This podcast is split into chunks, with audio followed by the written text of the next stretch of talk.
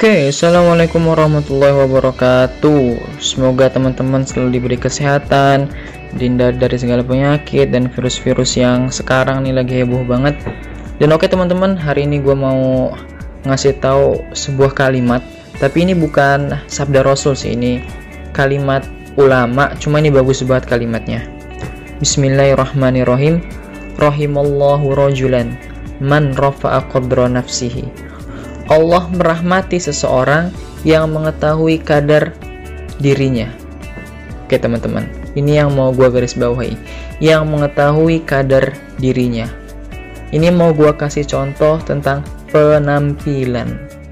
Hari ini tuh banyak banget orang, mungkin 90% orang, kebanyakan orang itu dia berpenampilan untuk dipuji orang. Untuk dibilang ganteng, buat dibilang cantik, biar dibilang hits, dan sebagainya padahal itu memberatkan dia. Gua kasih contoh. Hari ini ada orang yang pakaiannya bagus, mobilnya bagus, HP-nya bagus, tapi di sisi lain utangnya banyak. Kartu kreditnya belum lunas, masih banyak tagihannya dan sebagainya. Jadi hari itu banyak banget orang berpenampilan itu tidak dalam kadarnya masing-masing dan itu bahaya banget jadi dia berpenampilan hanya untuk orang lain dan itu memberatkan dirinya karena itu di luar kadarnya. Jadi teman-teman, di perkataan ini Allah itu merahmati orang yang dia itu tahu kadarnya. Gua kasih contoh. Ketika lu emang kadar lu itu hanya mampu membeli baju yang 50 ribu, maka belilah harga yang maksimal 50 ribu. Insya Allah Allah bakal merahmati lu gitu. Ini lu kemampuan lu cuma 50 ribu cuma lu maksain beli baju yang harganya cepet atau yang 500 ribu dan lu utang sana sini utang sana sini. Hanya untuk penampilan lu biar keren.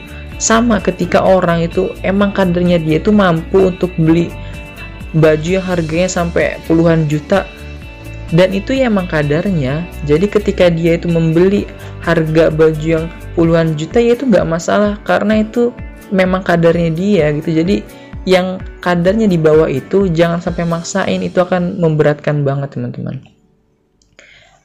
Dan insya Allah ketika lu tahu kadarnya yang pertama nggak memberatkan lu. Yang kedua Allah bakal merahmati lu.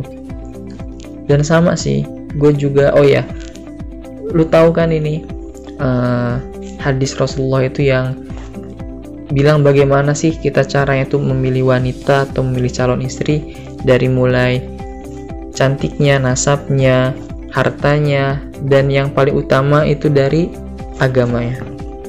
Nah, kalau kita lihat dari hartanya nih, wama liha, ini tuh bener-bener kalau menurut gua ya filosofi gua nih, jadi harta di sini tuh bukan berarti lu kalau laki-laki itu nyari cewek itu yang kaya raya yang punya banyak harta tapi di sini tuh lu tuh juga harus tahu kadarnya ketika emang lu gaji lu cuma 4 juta lu maksain nyari cewek yang walaupun cantik tapi skincare-nya aja tuh udah 10 juta gitu. Dan itu akan memberatkan lu banget sebagai laki-laki.